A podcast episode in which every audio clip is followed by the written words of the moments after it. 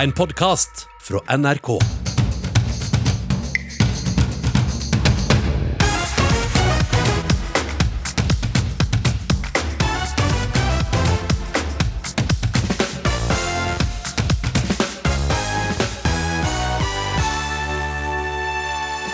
VM i Qatar kan være tidenes merkeligste mesterskap, og skaper alt bråket utenfor banen dårligere fotballspillere?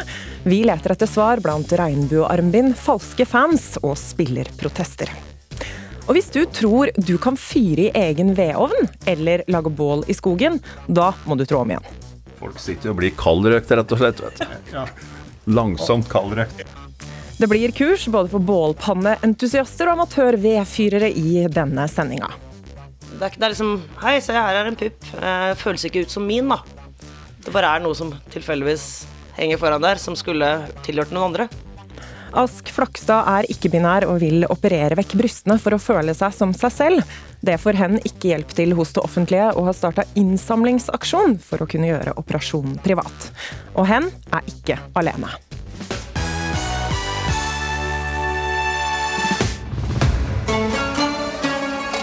Fifa-ledelsen nektet lagene å bruke kapteinspinn med regnbuefarger. Det er fullstendig uakseptabelt hva vi opplever. Vi har kjørt eh, 25 km utenfor eh, Doha til et område hvor eh, det utelukkende bor eh, migrantarbeidere. Vi har gjort eh, forsøk på om det finnes noen andre som kan stille opp, fordi vi har ikke tillit. er kanskje det aller viktigste. Her kommer Ronaldo. Her er det VM-historie! Ja, forbud mot regnbuer og øl. Iranske spillere med nasjonalsangprotest. Migrantarbeidere utkledd som fans. Og varslede rettslige skritt mot Fifa. Fotball-VM i Qatar har pågått i ei lita uke, men har handla vel så mye om politikk som 22 mann på banen og jakten på seier. Og vi skal til Qatar, for der er du reporter og kollega Andreas Hagen. Og hvordan merker man trykket på alt det utenomsportslige? Det er, eh, vil jo si det som overskygger dette VM, i hvert fall for oss som eh, jobber håper å si, i vestlige medier. Når vi snakker med kolleger i eh, England, i Tyskland, i Danmark, i Sverige osv., så, så er det jo dette bakteppet som er tema, og da spesielt det som har skjedd underveis nå i VM. Først da med eh, denne eh, nekten på å spille med disse regnbuefargede kapteinsbindene, eh, og nå også oppmerksomheten rundt Iran. Og det som eh, vi så bl.a. i går, var jo veldig veldig sterke scener. og Ufattelig sterkt å se Iran vinne eh, sin kamp i i. Jeg satt på en, eh, en liten kafé her eh, ute ved vi bor, og der satt det en iransk mann. Vi var ikke mange, men han han var veldig ivrig og satt og hoppa opp og ned i sin hvite kjortel og jubla helt hemningsløst. Det, det, var et stort øyeblikk. og Det må vi heller ikke glemme oppi dette. At ja, det er mye politikk, men det er også mye glede eh, å spore også. Hva er de siste snakkisene da, der som du er, Andreas? Altså, For min del i dag så må jeg jo innrømme at jeg er litt sånn inn i eh, fotballbobla, det sportslige, akkurat i dag. Fordi det spilles en veldig viktig kamp for våre nordiske venner, nemlig Danmark. De skal møte regjerende verdensmester Frankrike om noen timer eh, her i Doha. Og Det er en kamp danskene helst bør ta poenger, for eh, de tok bare ett poeng i den første kampen. så og de så ikke så veldig bra ut, heller danskene. og Det har jo vært mye styr da, rundt danskene med dette med kapteinspinn osv. Om de skal gjøre noen markeringer i den kampen i dag. Og de har mista en viktig spiller osv. Så, videre, så vi er veldig spent på hva danskene kan få til mot Frankrike, som så helt fantastisk ut eh, til tider i sin åpningskamp, som de vant 4-1 mot Australia. Ja, Da passer det å ta med Jan Petter Saltvedt også, da her hos meg i studio, NRK sportskommentator. Hva tror du om Danmark og Frankrike i dag? Det er vanskelig å ikke være enig med herr Hagen i at eh, Frankrike så ekstremt tillitsvekkende ut i den eh, første kampen. Men eh, danskene er veldig gode på dette med mesterskap. De klarer å ta poeng i dag og kan komme seg videre med en seier mot Australia i siste kamp, tror jeg vi spår. Og så har det jo vært utrolig mye uro rundt dette med regnbuebindene som de ikke fikk lov å bruke, og vi hørte jo i det lille klippet her at da går de veldig hardt ut. Hva har det gjort med de, den uroen i forkant av kampen i dag? Ja, for danskenes del så tror jeg det egentlig har virket eh, styrkende. De har hatt en eh, landslagstrener som har blitt eh, mer og mer klar på hvor merkelig han syns hele situasjonen er. Han har en veldig sterk posisjon i Danmark, har klart å skape en ordentlig god lagenhet. Og nå har han fått med seg presidenten også, som eh, vi lenge har ment har vært ganske passiv eh, og litt i overkant lojal mot eh, makta over seg i den sammenhengen her.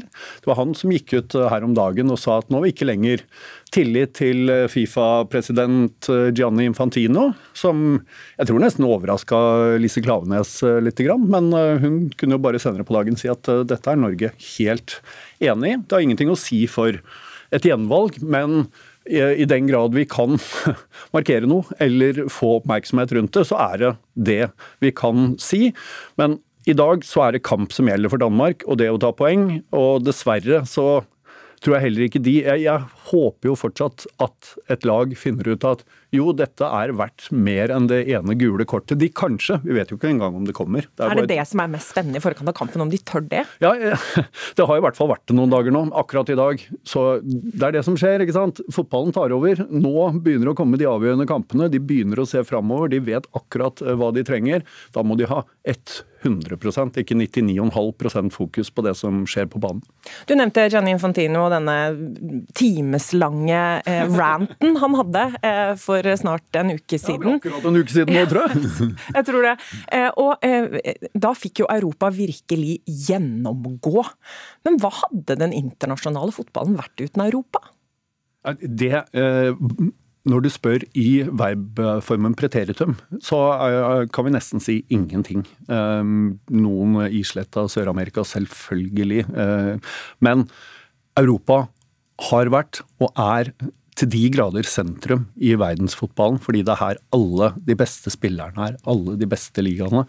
Men det er mulig å se både talen til Infantino, hans atferd eh, ellers, eh, viljen til å både begynne å snakke om historien og vår dobbeltmoral og våre tusenvis eh, av år som tyranner her oppe, som et tegn på at han ser andre veier for eh, fremtiden. Ting skal ikke nødvendigvis styres fra Europa lenger. De største klubbene eies ikke av europeere. Det er amerikanere eller eh, veldig store fond i Midtøsten som begynner å ta over mer og mer. Eh, VM er jo den største merkevaren som man prøver å beskytte. Da har man veldig gode støttespillere utenfor Europa. Så er det sånn at eh, når man skal gjenvelges, som jo er det viktigste et eller annet sted for han, så teller ikke noen europeiske stemmer mer enn noen fra Afrika eller Asia eller uh, Oseania. Uh, så en hvilken som helst stillehavsøy har i Fifa-sammenheng like mye makt som Norge og Tyskland og England og Frankrike. Og da er det lett å se i andre retninger hvis man tenker litt taktisk, og det tror jeg faktisk vi kan mistenke Gianni Infantino for å gjøre. Du kan i hvert fall ta deg en øl til kampen mellom Danmark og Frankrike her hjemme i dag. Jan Petter Saltvedt, tusen takk for at du kom til ukeslutt. Takk for oppfordringen. Nå skal det handle om de spillerne som skal ut på den banen. For hvordan er det for de å forholde seg til dette utenomsportslige fokuset som vi har sett så innmari mye av? Kan det bli for mye for unge menn å ta det inn? Vi har altså med oss Bjørn Mannsverk, som har jobba mye som mentaltrener innen fotballen. Har fått æra for eh, Bodø-Glimts forvandling og suksess, og gitt ut bok om den reisa. Og hvordan har disse gutta på banen det, når det skjer så mye greier før kamp? Nei, det er jo vanskelig å si hvordan hver enkelt har det, da. Men um, vi prøver i hvert fall å ha litt fokus på å isolere eller identifisere hva som er følelser, eh, og hva som er tanker, og på en måte la det være det det er. Eh, da kan du på en måte bygge opp en bevissthet bak det da, til om du skal forfølge det eller ikke. Men eh, å bli veldig følelsesmessig engasjert, det er en distraksjon i mitt hode. Hvor enkelt er det å stenge det ute når du er oppe i et sånt kjempemesterskap som du har trent veldig lenge? Ja, jeg tenker at Hvis du har trent veldig mye på akkurat det, og så på en måte identifisere de tankene, så står du vesentlig bedre rusta Men hvis du begynner med det i mesterskapet, så tror jeg det er strevsomt. Hvordan kan man konkret jobbe da, for å skyve sånne tanker ut av hodet? Eh, vi, vi introduserer oppmerksomhetstrening til, til spillerne. og Vi bruker mindfulness, da, det er den jeg kjenner til. Og det er trening over lang tid. På rett og slett sitte og meditere og bli klar over hva det er som egentlig drar oppmerksomheten fra deg. Og det er jo gjerne tanker og følelser, da. Så da bygger du opp en kapasitet, eller kall det en sensitivitet i forhold til det. At du kjenner igjen mønsteret? Ja, det kan du òg for så vidt gjøre. Du, du, kan eh, Over tid da, så kan du identifisere ikke, ikke, hva du tenker, men hvordan du tenker. og Det blir gjerne litt sånn mønstertenking. Eh, og Så kan du velge om du vil gjøre noe med det eller ikke. Sånn helt konkret, Hvis du skulle gått inn i garderoben til Danmark i ettermiddag og sagt nå må dere ikke tenke på regnbue, hvordan ville du jobba med de da? Nei, jeg tenker at uh, de, uh, de, fokuserer på det de, det de, skal gjøre, det de er best på, uh, og på en måte unngår da å miste fokus og prøve å ta seg sjøl i hvis de, hvis de, begynner å tenke på ting. Da, at de returnerer til skal jeg si, her og nå, da. Det er jo noen fotballstormakter som har gått på en smell i mesterskapet. Tyskland, Argentina. Ikke så imponerende med England sin 0-0 eh, mot USA i går heller. Hva må man gjøre for å reise seg igjen? Det vi, eh, det vi trener på, er liksom Kampen er spilt. Eh, og så prøver vi kanskje å gjøre en liten analyse da, og prøve å identifisere altså både og, både det som ikke gikk bra, og hva kan vi gjøre med det, men bruke like mye tid og energi på å identifisere hva var det som var bra, og da, da, da, på en måte så er resultatet litt irrelevant, hvis du tenker litt eh, utvikling eller læring i det du gjør. Og på, det, på den måten risette og, og, starte på nytt.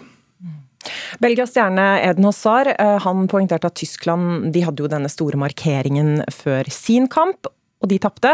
Belgia hadde ingen markering, og de vant. Hvor tilfeldig tror du dette er? Nei, Det tror jeg er litt tilfeldig i seg sjøl.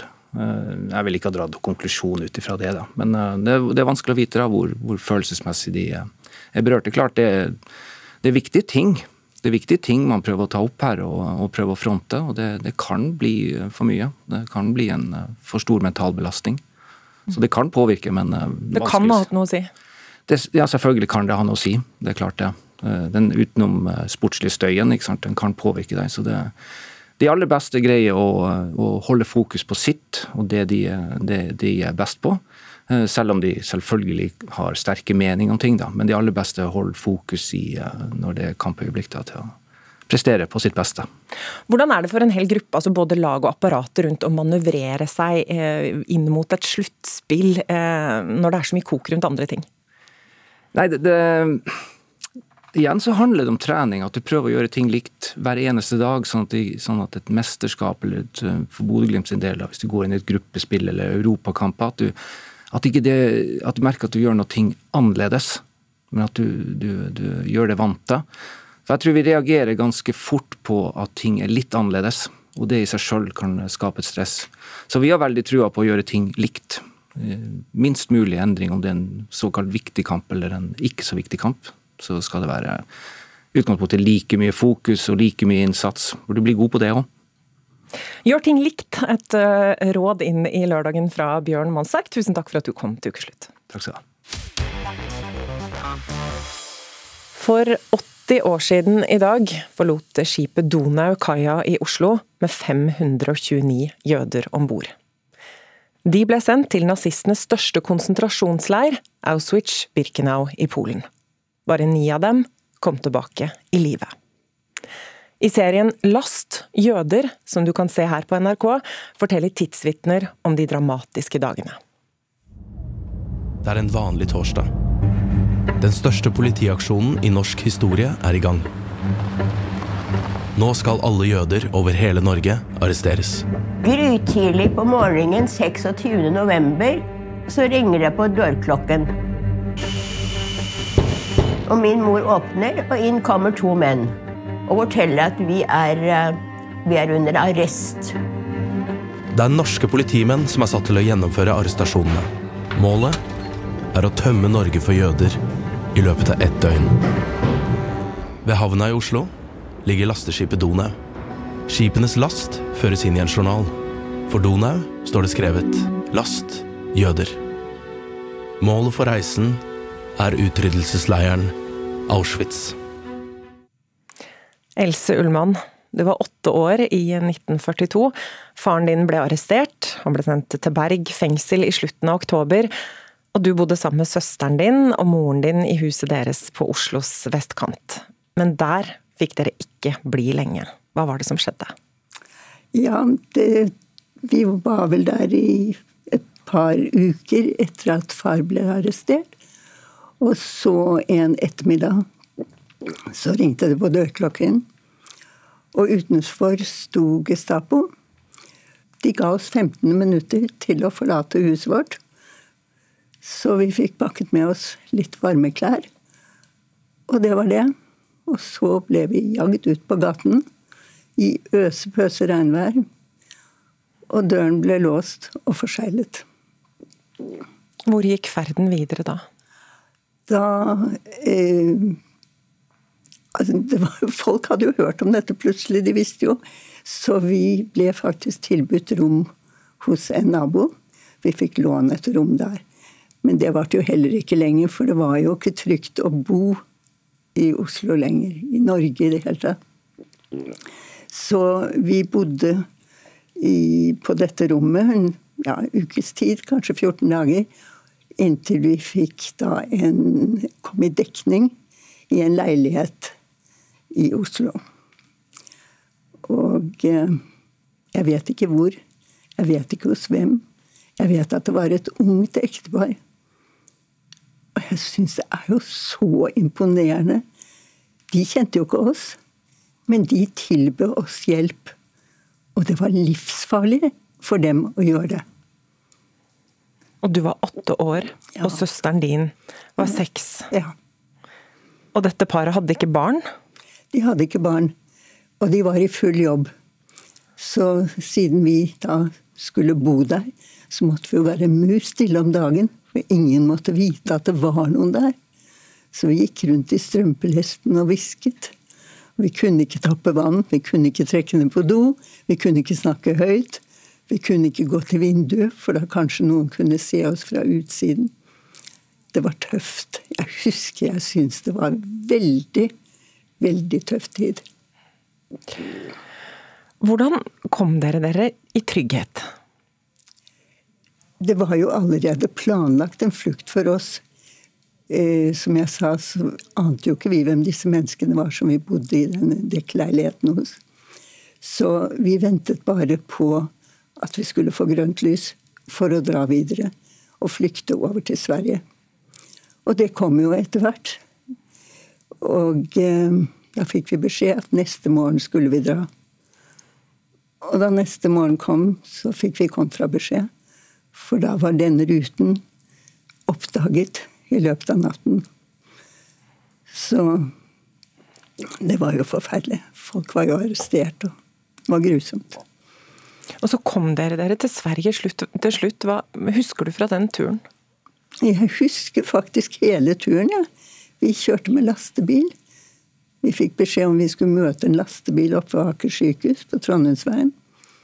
Og min mor fikk beskjed om at hun måtte klatre opp på lasteplanet. Ligge under en presenning.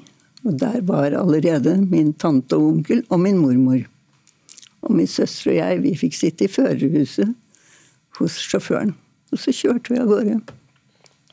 Det gikk ikke fort.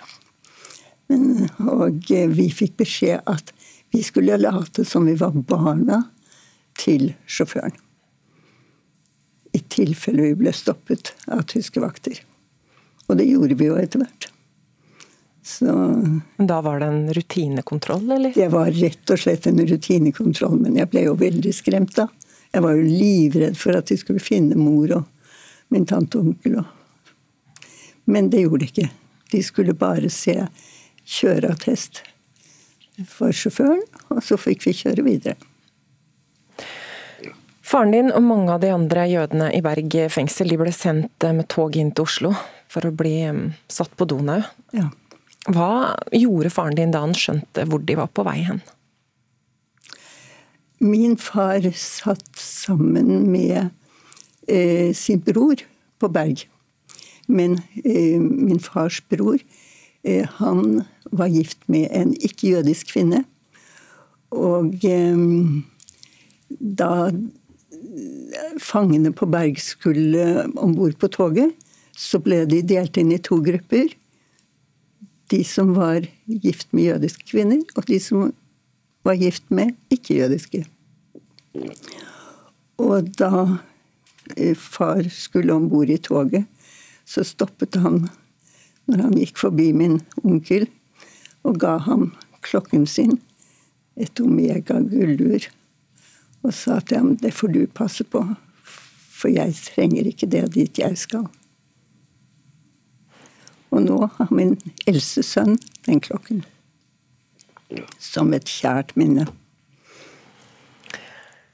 Monica Chango, um, du er en av 1500 jøder i Norge i dag. Um, og du har bl.a. en podkast sammen med Nina Grünfeldt. Uh, Akk oi ve heter den. Uh, hva betyr det for deg at Else og de andre som uh, opplevde nazistene, forteller sin historie? Jeg skulle nesten ønske vi kunne bruke resten av tiden på den beretningen som hun har, fordi at ordene mine føles nesten verdiløse i, i, dette her. Men først og fremst så vil jeg si at det at du forteller det du gjør, gir meg litt håp for framtiden. Fordi at det at du kan fortelle, og det at også denne serien Last er laget, gjør at vi skal for alltid bli minnet på å være klar over at eh, det som skjedde, det kan aldri skje igjen. Så jeg har bare lyst til å gjøre oppmerksom på en, en fin ting. At rundt halsen så har Else et smykke som symboliserer liv. Så det er en liten bokstav som symboliserer liv, og det sier egentlig alt for meg. Vi, vi sitter her nå og er veldig rørt av, av, det du har fortalt. Og det som jeg er her for, da, det er å få snakke om og dokumentere noe av det som eh, jødiske mennesker opplever i samtiden. Og hva er det? Og jeg, altså det som er tingen at jeg, jeg, klarer meg veldig fint, men de som ikke klarer seg fint, det er de barna som blir hetset i skolegårdene, som får tent fyrstikker foran seg med beskjed om at det var dumt at ikke besteforeldrene deres døde i Auschwitz. De som ikke klarer seg fint, det er de som valgte å flytte til utlandet fordi barnet ble hetset så tungt ved en skole her i Norge, og ledelsen valgte bare å se på. Og det er ikke noen hemmelighet at antisemittismen den er på fremmarsj i hele verden. I USA så ble det rapportert for 2021 en 34% økning på antisemittiske hendelser. Sist uke så var det to ungdommer som truet synagogene i New Jersey. Eh, noen dager etterpå så var det noen unge menn som ble stoppet på Penn Station med ryggsekkene fylt av ammunisjon og kniver, og med et helt uttalt mål om at eh, jøder var målet. Eh, når det gjelder Europa, så ser man også en, dessverre en økning av eh, hatkrim og hatprat. Og hele 89% av europeiske jøder som er del av en stor europeisk undersøkelse, rapporterer inn om at de er enormt bekymret, og at den følte antisemittismen Eh, er veldig mye verre enn den var bare for noen år siden. Desto viktigere da at eh, Else Ullmann forteller sin historie. Tusen takk for at dere begge to kom til ukeslutt. Tror du som hører på nå at du kan fyre opp i ovnen? Er du av typen kanskje som presser enda en halvtørr kubbe inn i vedovnen i håp om å få fyr? Kjører på med litt avispapir og melkekartong? Da, min venn, da er du amatør. Og det koster både deg og miljøet dyrt. Men fortvil ikke, norgeseliten i vednerding, de er her for å hjelpe deg. Alle vi fyrer med ved. Idealstørrelsen på en kubbe er jo 2 ganger 5 ganger 27 ifølge Sintef. Hva er det der for noe? Her er det en fuktmåler, og den, eh, det er noe alle bør ha. da. Batteri på. Der.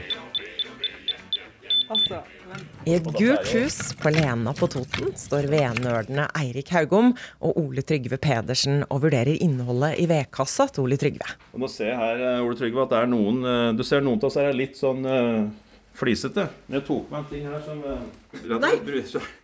En god gammeldags høvel? En god gammeldags høvel. Jeg tenker Hvis du drar til siden her litt, så, så er det koseligere å legge inn på ovnen. Når det er kaldt om vinteren, da fyrer vi med ved. De overdriver litt, men ikke veldig. For disse kara brenner for riktig fyring. Og deg, din amatør, kan de avsløre på røyken fra pipa di. Nei, Det hender faktisk jeg har alvorlig vurdert å ringe på når jeg ser det bare velt svart røyk ut av pipa som så vidt eh, går over møene og daler ned mot eh, bakken. Det er fyringspolitiet på Toten som kommer! Svært koselige konstabler, riktignok. På jobb for miljøet og lommeboka di. Og hvis du fyrer på riktig måte, sparer du både penger og svevestøv. Det er da du minsker partikkelutslipp veldig. Sintef og andre sier at eh, du, du kan minske utslippene med 50-80 Da sitter vi inne ved ovna og tiner kalde kne. Og spør Masse sånne småbiter, ser du. Dette er helt perfekt vet for oss, hvis du skal ha litt sånn fort varme i ovnen, så bare slenger innpå nava med sånn. I carporten på Lena, med kram snø under beina og foran en solid hoggestabbe, lærer jeg første bud for riktig fyring. Den veden du skal fyre med, den må jo være tørr. Ja. Er den ikke tørr, så, så er det jo, hjelper det nesten ikke uansett hva du gjør. Og så må det være skikkelig kløyvd. Er det for stort, så er det jo nesten ikke ille, da. Det var andre bud. Det var andre bud. Ja, og det verste er jo faktisk når det, når det brenner dårlig, så er det en som driver og styrer med den der bålpannen, som, som faktisk får seg til å legge på enda en større kubbe og tro at den skal ta fyr. Det er jo helt umulig. Og spør du etter yrke, så jobber vi med tre. Cirka to kilo knusktørr, perfekt kløyvd ved blir bra i en moderne ovn. Og nå kommer tredje bud opplegget. Ligger den godt der, eller? Det er kjempebra, vet du. Grøfst i bånn. Ja. Veldig fint lagt sammen som et puslespill. Ja. Så har du litt uh, tynnere her, og så har du en det blir tynnere og tynnere lenger opp, og så har du flis eller tennbrikett på toppen. Ser litt ut som en pyramide. Blir det riktig? Ja. Ok. Mareritt er jo nå hvis det ikke begynner å brenne.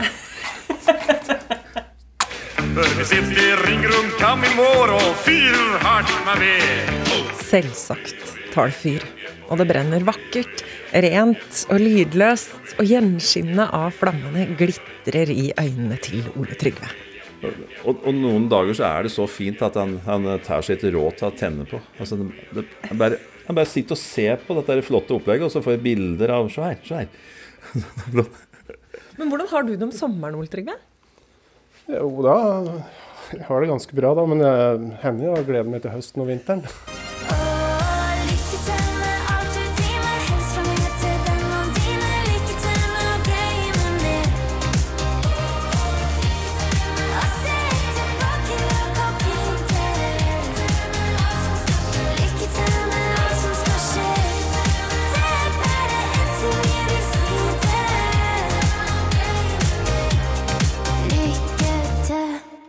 Ja, Det er jo ikke til å unngå at det er fristende å dedisere denne til helt nyvalgt leder i MDG, Arild Hermstad, som altså vant etter en thriller av en kampvotering på et ekstraordinært eh, MDG-landsmøte akkurat i dag, Trond Lydersen. Og du er sammen med den nye lederen, du?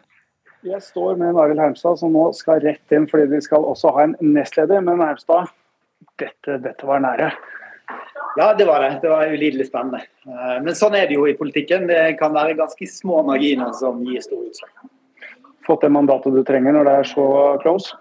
Ja, det er klart at eh, det er flertallet på landsmøtet som bestemmer, og noe annet ville jo vært helt feil. Så jeg gleder meg veldig til å ta fatt og syns det var eh, en enormt spennende valgkamp. Og noe som også gjorde tror jeg begge kandidatene er dyktigere enn den valgkampen vi har vært gjennom.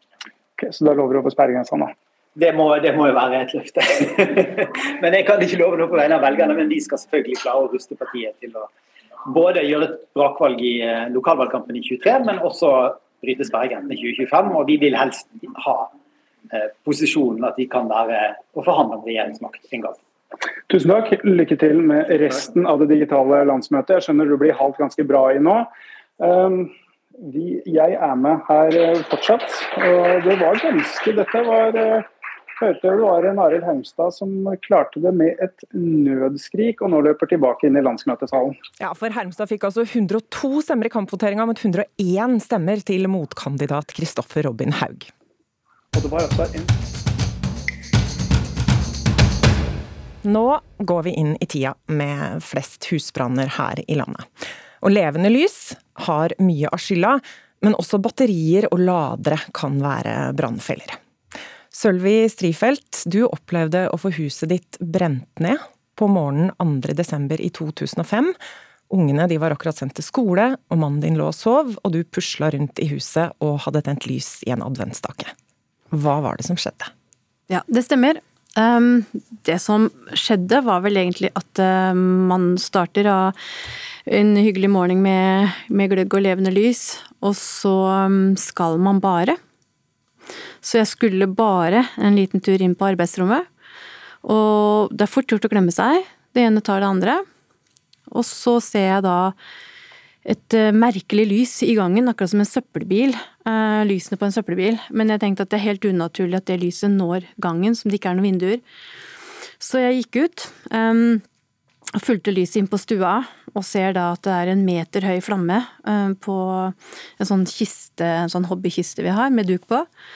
Og jeg skjønte egentlig ingenting, eh, fordi at vi hadde jo sånn glassjulepynt på den, egentlig. Så det skulle være helt unaturlig at det skulle begynne å brenne, så jeg trodde jeg hadde tatt alle forhåndsregler.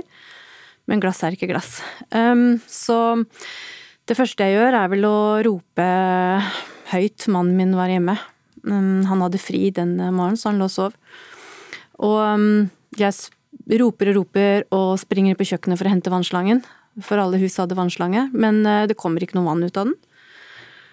Uh, Ringte mens, du brannvesenet? Ja, mens jeg var der så så jeg at røyken kom og flamme, altså lyset ble sterkere og sterkere. Jeg hadde to valg. Enten å springe forbi flammen og ut, eller så tenkte jeg at jeg brenner innom og knuse vinduet og hoppe ut. Når jeg sprang tilbake da, så var flammen nesten helt opp til taket. Og jeg tenkte jeg må ringe etter brannvesenet. Um, for jeg klarer ikke å slukke. Og så klarte jeg ikke å ringe nummeret til brannvesenet. Fordi det er du ikke trena på. Nei. Så det, nummeret dukker ikke opp. Den gangen så brukte vi jo mye opplysninger, så jeg slo 188. Jeg visste det var feil. Igjen. 188. Jeg visste det var feil. Sånn holdt jeg på. Måtte bare gi opp. Sprang ut og ropte alt jeg kunne. liksom, Brann, brann, ring brannvesenet! Det var ingen hjemme. Jeg banka på dører, ingen hjemme. Jeg var så panisk. Jeg kjenner nå at nesten panikken tar meg fordi det ikke var noen som reagerte på det. Og så, så, var det en bil, en nabo, som var i ferd med å reise. Og jeg bare ringet, 'Kan du ringe til brannvesenet?' Og han bare var helt lam, han bare kikka på meg, reagerte ikke. Tenkte bare 'reager! Reager! Ring!' Han reagerte ikke, for han skjønte ikke hva som foregikk. Så kom jeg på nummeret, og da går jeg bare inn i huset hans, finner telefonen og ringer sjøl. Og da, jeg, da får jeg kontakt med brannvesenet, og så ser jeg mannen min i døra. Så sier de 'legg på, spring bort, få mannen din ut'. Og mannen min hadde prøvd å slokke, eh, med tatt, snudd søppelbøtta på badet opp ned, fylt med vann, kasta inn. Det som skjedde da, antageligvis, dette kan sikkert eh, noen andre svare på bedre enn meg, men det virka som det ble en sånn badstue der inne, når du får kasta vann der inne. Neste gang klarte han ikke å komme inn. Så det var bare å lukke døra og bare gi opp hele den kampen der. Rolf Søtorp, administrerende direktør i Norsk brannvernforening. Ja, hva tenker du når du hører, hører Sølvis historie her? Ja, det illustrerer veldig godt hvor dramatisk det er å, å komme i en, en husbrann. Både for de som opplever brann, og også for de som skal og slokke. Det er en veldig dramatisk hendelse. Og så viser historien din så tydelig hvor viktig det er å øve seg. Og Vi har hatt noe som heter nasjonal brannvernøvelse, som, som vi forsøker å ta opp igjen på nytt. Og vi oppfordrer alle til å ha den kjøkkenpraten. Altså Bare med, med avslutning av middagen eh, eller når man har desserten og sier at OK, hva gjør vi hos oss hvis det begynner å brenne? Og faktisk gå bort til slangen og si at hvordan får jeg brukt denne? Bort til brannslukningsapparatet og si stå pila på grønt, det er alt i orden her. Og hvordan kommer vi oss ut? Så den der eh, lille brannøvelsen i hjemmet, bare med initiativ fra familien sjøl, er nesten helt uvurderlig å ha med seg. For forskjellen på de som lykkes i en dramatisk situasjon, og de som sliter, det er om de har øvd seg eller ikke. Og det er det sterkt vitenskapelig bevis for. Altså, det er ikke heltene som reagerer, det er de som har øvd seg, som reagerer. Og de håndterer det også på en god måte. Sølvi, veldig ofte så får man jo spørsmålet hva vil du tatt med deg ut hvis huset ditt brant? Hva tok du med deg ut? Det som lå langst frem i pannelappen, det var jo minneboka, eller scrapbook eh, som det heter den gangen. Men eh, jeg var ikke sånn til å huske hvor den var hen. Eh, så jeg tok med meg et eller annet som minte meg om minnebok. Og det var egentlig en bunch med verdiløse papirer. Og hva har, Når du hører det Rolf Støttorp sier her, hva har familien, familien din blitt mer bevisst på etter at dere hadde den utrolig dramatiske opplevelsen? Vi bruker ikke levende lys lenger. Uh, I hvert fall veldig sjeldent. Jeg har det litt på badet. Litt safe, kanskje med noe vann oppi og sånn, for å være på den sikre sida. Men uh, i utgangspunktet så interesserer ikke levende lys oss lenger, naturlig nok. Mm. Uh, det fins så veldig mye gode lyspærer som gir stemning og sånn i dag, så ja. Så det er vi veldig påpasselige med. Hva sitter du igjen med da, etter en sånn opplevelse? Jeg sitter igjen med en erfaring som, når det først gikk som det gikk, jeg er veldig glad for å få. Fordi den kontrasten man blir møtt med, fra du må låne klær fra naboen fordi du står med vann opp til livet og ikke kan gå rundt i søkkvåte klær, Um, å gå på storsenteret i jula og møte det gavepresset. Det er glitter, stas, smykker, gaver, og du ikke eier nåla i veggen. Du eier ingenting, du har ikke klær, og du er ikke i stand til å kjøpe deg ny bukse. Fordi kontrasten blir rett og slett for stor. Du kan, ikke, du kan ikke ta stilling til om den er pen eller sitter bra på deg. Det går ikke. Så må bare overlate alt til de andre. Finn meg en bukse som passer jeg er ikke i stand til, altså huet klarer ikke. Så de kontrastene her, de hjemsøker oss jo hvert år. Når det begynner å sånn bugne med glitter og stas og sånn, så blir vi sendt tilbake til den gangen vi ikke eide noen ting. Absolutt ingenting. Tre gode råd fra Rolf Søtorp til slutt. Hva skal man gjøre for å unngå å ende opp i Sølvis situasjon? Ja, Det aller viktigste er å ha god varsling i huset. Så nå når vi kommer til 1.12, så har vi nå sett brannvarslerdagen. Eh, og Da må du sjekke at eh, varslinga fungerer i huset ditt. og Vi anbefaler at, de, at du har mer enn minimumskravet. At du har røykvarsler i hver etasje, at de er seriekobla, at de er kobla til strømnettet, og har gjerne en ekstra på soverommet. Så du, blir du i hvert fall vekt når noe skjer. Og så må du være forsiktig med dette. Ikke legg deg, men når du har eh, vaskemaskin og tørketrommel og sånne ting stående og gå, det sparer du kanskje i beste fall tre kroner på. Og gjør det på natta, og du tar en stor risiko. Og så som du er inne på, altså dette med levende lys. Eh, det er utrolig viktig å, å, å, å passe på ikke forlate. Og disse motetrendene som går med store oppsatser knytta til stearinlys, og man pynter med tørt gress og kongler og blomster og sånne ting. Ikke gjør det! Ikke, Ikke gjør, gjør det. Jeg hører det. Ha en riktig god og brannsikker førjulstid, og tusen takk for at eh, dere kom til ukeslutt, Sølvi Strifeldt og Rolf Søtorp. Hvis du har lyst på en øl, korona eller noe sånt, så er det hjertelig velkommen. Dere er på sånn type jobb. Du, du kan drikke. Skål! Åh, lyden av julebord. Nå er altså sesongen i gang, men for mange så er det lenge siden sist, og man føler seg kanskje litt rusten i de sosiale spillereglene. Da er det altså lurt å følge med her i ukeslutt nå, for det fins jo masse eksempler på julebord som har gått helt over styr. Du kan faktisk miste jobben hvis du driter deg skikkelig ut, og før vi går løs på de beste tipsene, så må vi snakke med en fyr som vi hørte litt lyd av her. David Eriksen, manager, driver også selskapet Eccentric People. Du er jo kjent for å være glad i en god fest. Hvor mye gleder du deg til årets julebordsesong? Du, jeg syns uh, julebordsesongen er, det er et høydepunkt. Jeg, jeg forbinder det med, med, med avslutninga av et år som forhåpentligvis har vært bra, og det har det vært i år, helt klart. Uh, det å samle alle og få muligheten til å si til alle, spesielt på det ansatt uh, ja, på kontoret, hvor stolt jeg er av de, osv., osv. Jeg gleder meg til det. Ja, mm. Og hvor mange rekker du på denne sesongen, f.eks.? Jeg, jeg det kunne vært flere, men jeg ender nok på fem, kanskje seks. Okay. Ok.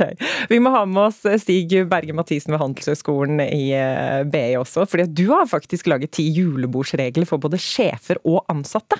Og Vi kan jo begynne med det viktigste. Hvordan bør man forberede seg til julebordet utenom det å pynte seg, selvfølgelig?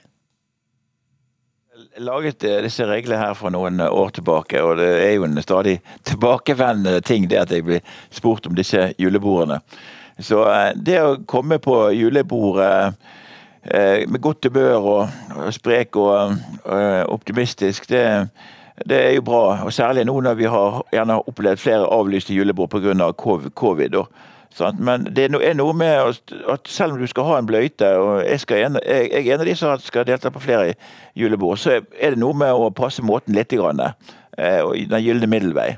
Ikke sant? Og ikke ta medarbeidersamtalen på julebordet, kanskje? Nei, hvis det er mye frustrasjon, mye usagt eh, som ligger i luften, eh, elefanter i rommet, så er ikke det, så er ikke det eh, julebordet tingen intelligensen eh, går ikke opp noe med promillen, så, eh, så det, det, det, er lurt å regulere det ned litt. Ja, David Eriksen, du er jo sjef. Hvordan er du som sjef på julebord? Nei, Han har helt rett i det han sier. Det å gå inn i et julebord med en stor elefant som henger over deg, så det er ikke bra. Det har man jo sett. Eh, ikke nødvendigvis jeg sånn direkte med mine ansatte, men jeg har sett det. Og det er ikke bra. Men jeg har sett det for så vidt på en sommerfest også, så det er ikke nødvendigvis på en julefest det skjer. Det er jo, I min verden så er vi har veldig mange eh, sammenkomster. Ja, men det er jo en, en, den bransjen vi er i da. ikke sant? Så, for, så vi opplever ikke den store måte, problematikken ved at det skjer den, den store julefesten. For vi har vi får litt rutine på det gjennom et år, hvis jeg kan si det på sånn, eh, den måten. Men det er helt rett. Det er klart at du kan ikke la problemer være uløste rett før en sånn setting. Ja, David Eriksen, som jo driver Eccentric People og jobber under holdningsbransjen. Da. Eh, Stig Berge Mathisen, eh, vi må tilbake til deg. fordi Hvis du tidligere veit at du kanskje har driti deg litt ut for sjefen på mm. julebordet, og så skal du på ny fest og liksom speilfløyeren er på og skjorta er strøket, hvordan kan du forberede deg? Nei, eh, for eksempel så Du kan jo selvfølgelig være forberedt på at du for eksempel prøver å Eh, å begrense alkoholinntaket. F.eks. på et bestemt tidspunkt så skal du over eh, annenhver drink eh, eller glass med drikke blir, blir vann, da, eksempel. Eller at du har noen som gir deg innspill når nok er nok. og sånn at for det, det, Ofte så blir vi litt sånn sveiseblinde og mister litt dømmekraften i forhold til når vi har fått, uh, fått nok. Og Det er en annen greie som er litt viktig å huske på med sånn julebord. sånn som David Eriksen her er jo en erfaren julebord Eh, type. Så han, eh, så han, vet jo hvordan ting skal gjøres. Men, men, men, vi må huske på at mange på julebord er ganske uerfarne.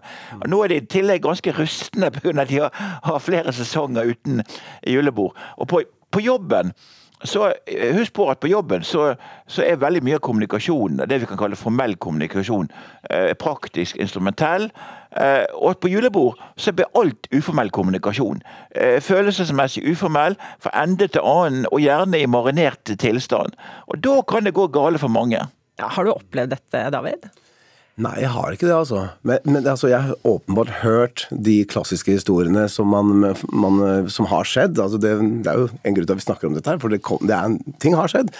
Eh, vi har vært veldig heldige og blitt måte, skånet litt for det, men jeg har sett, eh, jeg har sett det litt utenfra, og hvor eh, det ikke er noe spesielt gøy for den enkelte personen å gå på jobb dagen etter. Nei, men da er det lov å gripe inn som kollega og hjelpe vedkommende litt ut, da? Kanskje at man skal lage ja. en avtale eller noe sånt? Hvis den personen ønsker hjelp, da. Det er som det blir sagt her, det er alkohol gjør at man mister man mister bedømmingskraft, man mister innsikt i egentlig hvordan man er der og da og er vanskelig å gå ut av den bobla når du havner der. Og mm, ja, man skal være forsiktig. Man ja, og, må kjenne seg selv. Ja, og Stig. Eh, Berge Mathisen, det er jo også viktig å, være, å, gjøre oppmerksom på at nå er vi i post metoo, julebordsæraen. Hvilke regler gjelder for komplimenter og kroppskontakt? Eh, ja, for første så har jeg lyst til å nevne at et, et, et begrep som jeg liker, det er dette begrepet lykkepromillen. Eh? At du skal få en eh, eh, Du skal bli godt kjenkt og godt humør. Sant? Men ikke sånn at, du, at det er nedadgående kurve med, med alt, bl.a. trivsel. Så, så det, det, er litt viktig å huske på. Så hva, Hvis du kan gjenta spørsmålet igjen, nå kom jeg litt ut av det. Ja, disse kjørereglene for komplimenter og kroppskontakt ja. etter metoo, det er jo litt viktig å være oppmerksom på? Ja, ja og, det, ja, og de som du har et nært forhold til, eh, der du, kan du tillate deg mer eh, kroppskontakt enn de som du har mer avstandsforhold til eh, i hverdagen. Hvis du da, hvis du da har, prater lite med personer i hverdagen, har distanseforhold, og så tenker du at nå skal jeg endre på det, for nå virker alt så lett, for nå er jeg marinert. Så kan det fort gå, gå, gå, gå gale. Og, men, og det å, at folk er vennlige, og klemmer, holder rundt hverandre Det er forskjell på å holde rundt hverandre og tafsing, for å si det sånn, men, men det kan man kanskje bomme på når man er litt sveiseblind. Ja. Og så minner også NHO Reiseliv oss på at servitøren ikke er på menyen når det er eh, julebord. Men tipsing av, i grov forstand, David Eriksen, det må være lov når man har hatt en fin opplevelse på restaurant? Ja, det vil jeg absolutt si. ja. Det må vi gjøre. Vi må passe på at eh, de, de kommer godt ut av det. Tusen takk, og ha et riktig fint julebord begge to. Både Stig Berge Mathisen ved Handelshøyskolen Bay og David Eriksen, som også skal på Blir det fem eller seks eh, julebord? Eh, Vi får se hvordan det går. Ask Flakstad er ikke-binær og ønsker å fjerne brystene for å føle seg som seg selv. Hen identifiserer seg ikke som mann eller kvinne, men et sted midt imellom. En slik operasjon tilbys ikke, tilbys ikke det ikke-binære gjennom det offentlige, og løsningen ble derfor en spleis i bytte mot småjobber. Hei, jeg heter Ask. Det vil si, det er det jeg heter nå. Det er det jeg selv har valgt. Som resonnerer for meg. Fordi jeg er nemlig født som jente og fikk derfor et typisk jentenavn. Men tiden gikk, og mer og mer viste seg at det ikke var sånn det var. Ask Flakstad sitter i sofakroken i kjellerleiligheten på Nøtterøy utenfor Tønsberg, og leser fra en Facebook-post hen delte med venner og bekjente. Der, ja. Der følte jeg meg hjemme. En historie om å lande trygt som ikke-binær. Verken mann eller kvinne, men et sted midt imellom. Men også om brystene som føles så feil. Det føles ikke ut som eh, de skulle være der, rett og slett. Jeg har ikke noe forhold til det. Altså, jeg kunne sitte her og bare overkropp, liksom, og bare For det er, det er ikke noe det er, det er, liksom Hei, se, her er en pupp. Eh, føles ikke ut som min, da. Det bare er noe som tilfeldigvis henger foran der, som skulle tilhørt noen andre. I dag dekker hen brystene med en stram, svart topp som ikke er så god å ha på. Men det er som et kompresjonsplagg, eh, som rett og slett er en eh, litt sånn hardere overflate foran, som gjør at det blir flatt, og så er den elastisk bak den jeg har nå. De jeg hadde før, de var med hemper, så hadde jo sår oppover under armene. Eh, noen av det er så ubehagelig å gå med at man får nesten ikke puste. Men du vil ikke bade i en sånn topp? Nei, for da kan jeg ikke skjule noen ting med noen klær. Eh, og da kommer det 'Å, er det gutt eller jente?' Og da får jeg spørsmål med en gang, og da blir jeg jo klokka Ask vil fjerne brystene for å føle seg som seg selv, men en slik operasjon får henne ikke gjennom det offentlige som ikke-binær og derfor startet henne en spleis for å samle inn penger i bytte mot småjobber. Det tok meg lang tid. Eh, fordi jeg var Det er flere grunner til det. Jeg var eh, Det er den der litt sånn man er redd for at skal ende opp med man ikke får noe bidrag. At man eh, liksom At folk skal se på det som man bare tigger penger. At folk ikke stoler på at du skal bruke det til riktig formål.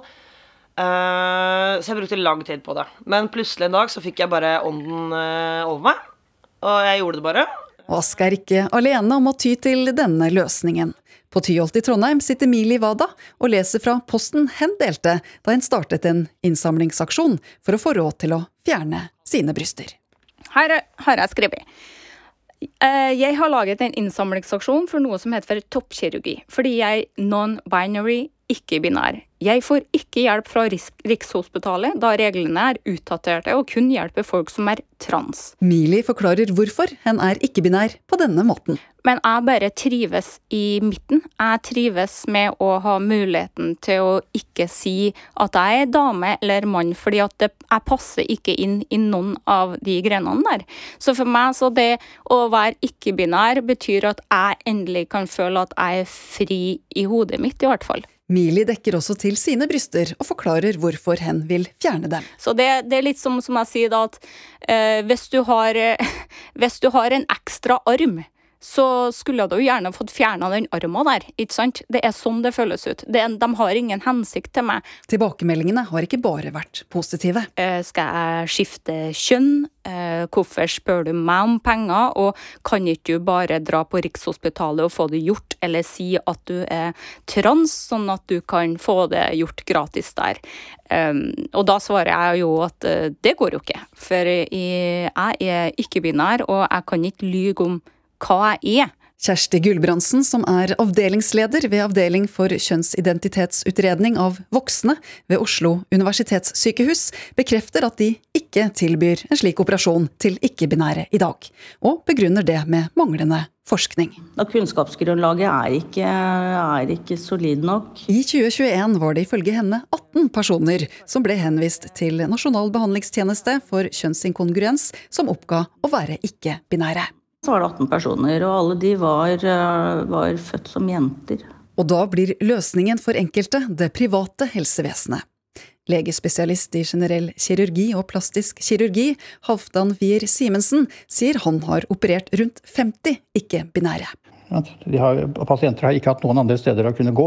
Han forteller at det koster pluss-minus 60 000, og kjenner også til at andre har startet innsamlingsaksjoner for å få råd til eh, operasjonen. Ja, det koster absolutt. Altså, all kirurgi koster. At han har gjort slike operasjoner har også vært omdiskutert. I 2019 fikk han en advarsel fra Helsetilsynet. Nå mener Simensen at nye retningslinjer fra Helsedirektoratet fra 2020 åpner for at ikke-binære kan tilbys slike operasjoner flere steder, også i det offentlige. Det skal ned på det man kaller et lavere omsorgsnivå. Men er det så enkelt? Vel, Johanne Torgersen, divisjonsdirektør i Helsedirektoratet, sier at ifølge deres retningslinjer har nå ikke-binære pasientrettigheter. Men om det skal gis behandling, må likevel vurderes av helsepersonell. Ja, så Jeg legger til grunn at de føringene som er gitt, blir fulgt opp, og så forstår vi at eh, det tar tid å bygge og spre kompetanse. Men for ikke-binære som Mili og Ask føles det lenge å vente. Mili Wada har et godt stykke igjen av sin innsamlingsaksjon før en har samlet inn nok penger til å kunne fjerne brystene. Da må man bare på da, med de doble sports-BH-ene og prøve å pakke opp uh, brystkassen så mye man kan, så man i det minste kan klare å fungere i hverdagen. Mm. Ja, for da, eh, det er det du gjør nå? Mm. To sports-BH hver dag siden man utvikla bryst, så tenk på den, du. Det er varmt. og tungt. Uh, og ja, for å svare kritikerne, da. De som tenker at uh, ja, men det her må du da bare betale sjøl. Mm. Hva sier du til de? Nei, bør jeg egentlig det, da? Fordi at jeg, som sagt, det å stå på utsiden og se at alle andre som en transperson da får en behandling på Rikshospitalet, men jeg som en ikke-binær person ikke får det, det gir absolutt ingen mening. Um, jeg tenker det er så viktig for dem da, å se på hvorfor er det jeg ikke får det. Altså er det redsel for at folk skal angre seg etter en sånn operasjon? Er det redsel for at jeg som da en biologisk kvinne ikke skal ha muligheten til å amme etterpå, f.eks.? Altså det finnes morsmelkerstatning. Skulle jeg finne på å ha flere barn? Ja. Man legger noe for seg med armene. Det er sånn med håndtak på hver side, så er det hjul. Står man på knærne.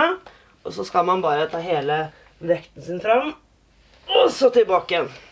Både for å holde seg sunn og for å rett og slett det skal være et bedre resultat etter operasjonen. Ja, Så det motiverer deg til å trene? Klart det gjør. Ask Flakstad nærmer seg mål med sin spleis for operasjon, og håper brystene kan opereres bort på nyåret, sånn at det blir bading i baris i sommer. Så kommer det til å bli noen reaksjon når jeg da går i bare overkropp. Det er jo en redsel jeg har. Så vær snill med meg! La meg, la meg få lov å bade i fred! Det var Line Forsmo som hadde laget denne saken, og Ukeslutt har også vært i kontakt med helseministeren, som ikke ønsket å gi noen kommentar. Ulven er alle hunders stamfar, men hva skjer med tamhunder når de må leve som ulver?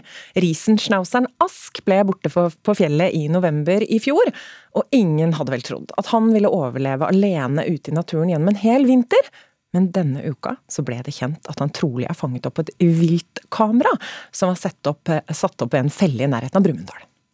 Nå så vi den jo i denne uka, natt til tirsdag. Da fikk vi bilde av han på kamera. Og da ser vi at han er i live. Og vi er jo ganske så sikre på at det er Ask. Men eh, etter så lang tid så skal jeg jo innrømme at det er til tider jeg har hatt mindre tru. Tom Øystein Martinsen, dette sa du til NRKs reporter denne uka. Hvorfor er dere så sikre på at det er Ask? Altså Det som gjør det at det er ganske så sikkert, da, for det første så på bildet så ser vi jo det at dette er en stor, svart hund. Vi ser jo ikke, vi ser jo ikke hodet på han, men jeg ser på kroppsformen at dette kan veldig godt være en risen. Og så I tillegg, da, for å, for å sjekke ut det, så har vi vært der med sporhunder tidlig på morgenen etter han ble observert. Og de sporhundene er jo trent for å, for å, og har smeller, som vi sier. Altså de har tatt ut lukt av ask som de får inn i nesa. Og da markerte de på det eh, stedet med en gang og fulgte sporet av oss ganske langt nedover i skogen. Men altså, hva slags Så- hund er Ask som gjør at han kan ha klart seg aleine en hel vinter? Nei, han er, en, han er jo en tøffing. Bare for å si det, så har jeg hatt eh, hunder Eller vi har hatt egne hunder siden 76, og ofte hatt en tre-fire stykker samtidig. Så vi har erfaring i hvert fall fra en eh, ja, borti 30 hunder, tenker jeg. Eh, Privat. Jeg har aldri, og alle er spesielle, men jeg har nok aldri hatt noen som har hatt et sånt sånn hue som han. Ja, hvordan Så da? jeg, nei, han er uredd. Han er selvsikker. Eh, veldig sjølstendig. Eh, veldig robust. Jeg har ikke sett den redd noen ting. Nei. Vi har også med oss deg, veterinær eh, Silje Warnes. Eh, Hvordan kan en hund som er vant til å leve innom en familie, greie seg alene i naturen så lenge? Ja, Det er jo egentlig helt utrolig hvis det er ask, eh, det må jeg bare si. Altså. Men selvfølgelig når eier nå sier at det er flere faktorer der, da, som kommer inn med lukt og sånt nå. eh, Den viktige tingen her er jo tilgang på mat. Eh, Kulda trenger ikke være det største problemet, men det er mat Hva som er viktig. Hva kan man ha spist uti der, da? Nei, nå i det siste har det vært jakt, da. Så det kan være slakteavfall fra jakt, eller sånn fra dyr som jegerne har vomma ut av, av dyra. Eller så er det jo kadaver. Eller så er det at han må sjøl, da. Så kan det jo tenkes at han sjøl har, har tatt rådyr, eller kanskje harra som han, han eh, har spist. Eller selvfølgelig mat som, eh, som folk legger ut hvis han har holdt seg rundt i hytteområder og sånne ting. Er han typen til å jakte sjøl, Tom Øystein Martinsen? Ja da, han er det, og det er jo alle hunder har jo jaktinstinkt. Eh, Så skal si det at han, han ble jo borte ved Bøseter langt inn i Øyerfjellet. Og de første dagene eller nettene etter det, så datt jo temperaturen til 20-30 minus der inne. og jeg etter uke da så hadde jeg vel egentlig gitt den opp. Eh, Og så begynte vi å få brått få meldinger om at han var i området rundt Messenali. Så var det på Olympiastadion på Lillehammer, og så flytta han seg sør for Lillehammer. Og der er Miljøparken på Lillehammer, og der driver de en produksjon av biogass. Og det kommer inn mye slakteavfall, så jeg har en mistanke om at han har forsynt seg derifra. en Kos del. seg der, ja. ja. Ja, for der, han har låst seg i det området Ja. i mange måneder. Silje Warnes, du har vært med å fange ville hunder før. Hvordan er det? Det krever tålmodighet og mye tid. Eh, nå spørs det hvor vill, vill den er. da. Det kan jo være hvor vi kommer inn såpass at jeg kan liksom bruke sånn eh, langt spytterør, hvor jeg kan darte den med det. Men eh, det har vært tilfeller hvor jeg bruker et sånn spesialgevær, og så bruker, som jeg har en pil i med et medikament som gjør at dyret sovner. Men, men her må det jo brukes tid, for man må jo i hvert fall inn på en, en helst 15 meter. da. Ja, for nå er han ikke tam lenger, eller? Nei, det tviler jeg på. Da har overlevelseinstinktet hans slått så hardt inn at den derre mm, mennesket er ikke lenger noe trygghet. Så eh, ja, her vil det ta tid før eh, jeg tror han mennesket kommer langt liksom, på nært hold, da, rett og slett. Men hvis det nå er denne risensnauseren eh, Ask til Tom Øystein Martinsen, hva bør Tom gjøre for å få kontakt igjen, hvis de nå får tak i han? Hvis de får tak i han, så, så tenker jeg det at det er jo nå å prøve å, å å se hvor han er hen, og, og etter hvert eh, Ja, hva skal jeg si? eh, Få oversikt eh, ja, nei, Nå må man spørre, egentlig spørre hva han skal gjøre når han får tak i den, eller åssen han får tak i den. Nei, altså hvordan, hvis, hvis de nå får tak i han igjen, da, Ja. uansett hvilken metode de velger, men da, og da er han jo vill, hvordan skal han på en måte domestisere han igjen, da? Ja, sånn ja. ja når, når de liksom har fått, eh, fått Ask hjem. Ja. Du, vet du hva? Her er det jo, spørs det jo veldig på hunden. Uh, det her er en rase som er veldig, som eier skikkelig robust, og den er veldig viljesterk. Um, og så spørs det jo, ikke sant, uh, hva med han, de har jo en hund til, antar jeg, bart. Eh, Åssen vil det gå med de to? Her hadde jeg rett og slett søkt om hjelp fra profesjonelle fagfolk rundt atferd, og fått dem hjem til eierne. Ja, for Hva Fordi- kan skje mellom Bart og Ask hvis de barker sammen der?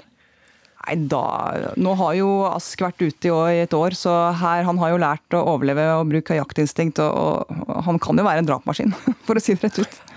Hva, hva, hva tenker du eh, selv om, om dette, å gjøre han eh, til tamhunden din igjen, Tom?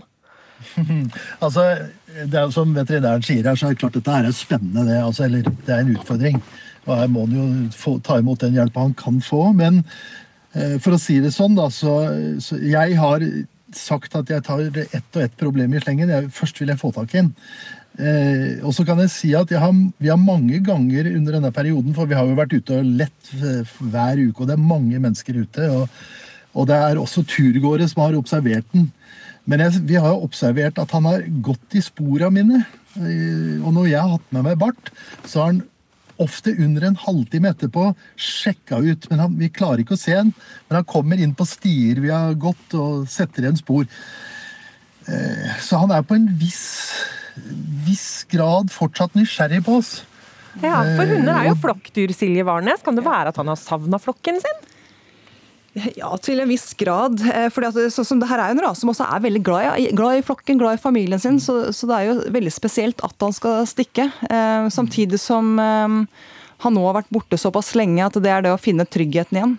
Men, men er det liksom forsøkt å satt opp noe fangstbås eh, hvor du kan liksom i området hvor han har vært? Ja da, ja da, vi har hatt to og tre store feller ute, og har jo med meg profesjonelle folk på dette. Men han, han er så smart, da, vet du, så når vi tar bilder av han, så står han på motsatt Altså står ikke der åpningen der, han står og snuser på åte. Men han går ikke inn, vet du. Så Tom Øystein Martinsen, jeg kjenner at jeg har blitt veldig fan av Ask. Han høres ut som en utrolig kul bikkje. Og én ting er sikkert, Ja, han har det- sikkert ikke den der kule Riesenschnauzer-klippen som de er så berømt for, hvis dere får han tilbake igjen. Nei, han er nok løgn, men jeg skal, jeg skal bekrefte at han er en skikkelig kul hund. Altså. Er. Du, Jeg håper virkelig at dere finner han igjen, og så blir det gjenforening mellom Ask og eier. Og Bart, og tusen takk for at dere var med i Ukeslutt, både til Tom Øystein Martinsen og til veterinær Silje Warnes. Et gullglitrende jubileumsshow av en musikkfest kommer din vei på NRK1 i kveld, når P3 Gull arrangeres for tiende gang. Det er P3s egen prisutdeling, og i år så ledes showet av den nye duoen Lars Berrum og Annika Momrak. Men det hele kommer ikke uten en liten bismak for den ferske artisten Michelle Ullestad, som skal opptre på direktesendingen. Jeg skal spille på P3 Gull om to uker. Og det stresser meg så jævlig. Alle de som skal være der, og alle de andre som skal spille. Og Den ferske artisten Michelle Ullestad delte en åpen og ufiltrert video på TikTok. For det er mange tanker og følelser hun sitter med før hun skal opptre på direktesendt TV for aller første gang. Det er alt ifra liksom at, eh, at jeg ikke har noe på P3 Gull å gjøre, til at eh, tenk hvis alt går galt, eller eh, tenk hvis det til og med går bra, liksom. Det er jo noen nerver i det òg. Og ja, det er egentlig bare sånn sommerfugler og litt sånn øh, litt sånn kvalm. Men hun har egentlig alt å glede seg over.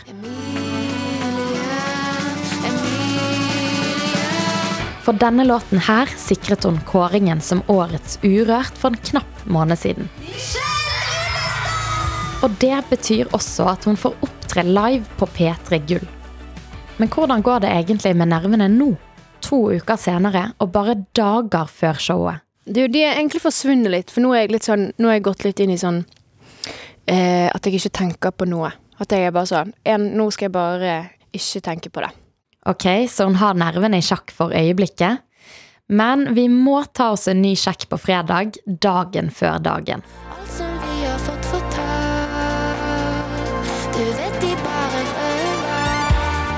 Michelle kan i hvert fall trøste seg med at det ikke er første gangen hun er på TV.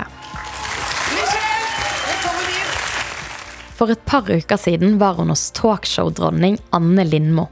Da Michelle, så gleder vi oss til å se og høre deg på scenen. Du skal få lov å gå bort og gjøre deg klar sammen med bandet. Tusen takk skal du ha.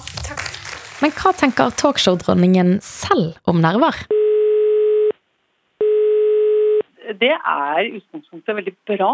Eh, eh, og det er veldig lurt å ta og føle på det. Også lurt å si det selv om man er nervøs. Eh, fordi det er det dummeste man kan gjøre. Late som man ikke er det. Bare svelge det unna. fordi da kommer det som en kule det man står på scenen. Lindmo er ganske unevrotisk og nervefri.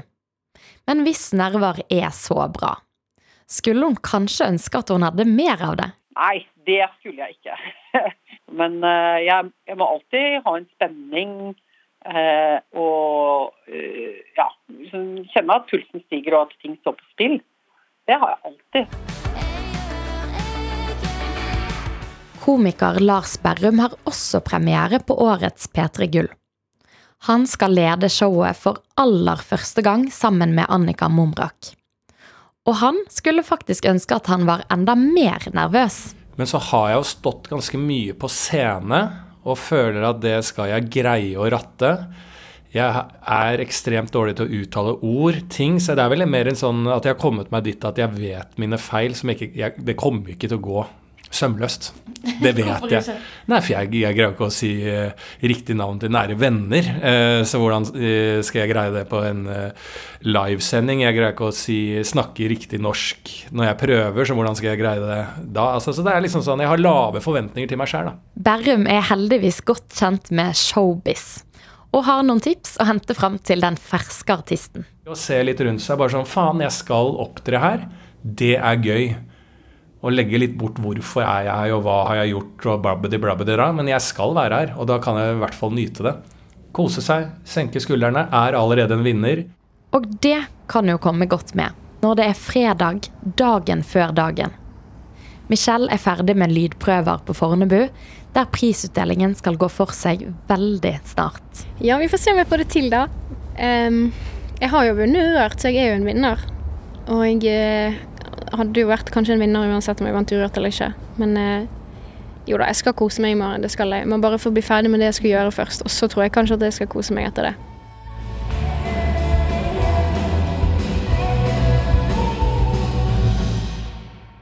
Og du som hører på nå, du kan jo se om hun klarer å kose seg på scenen i kveld for P3 Gull. Det går på NRK1 klokka 22. Reporter var Ida Kloppen Gladitsjak. Det var det for eh, ukeslutt denne lørdagen. Du skal ha tusen takk for at du hørte på. Det er Kari Ørstavik som har vært ansvarlig i eh, Bak spakene. Så har Hilde Tosterud hatt ansvaret. Jeg, jeg heter Marte Kaasa Arntzen, og jeg håper at du får en strålende første adventshelg. Du har hørt en podkast fra NRK. Du kan nå høre flere episoder av denne serien i appen NRK Radio.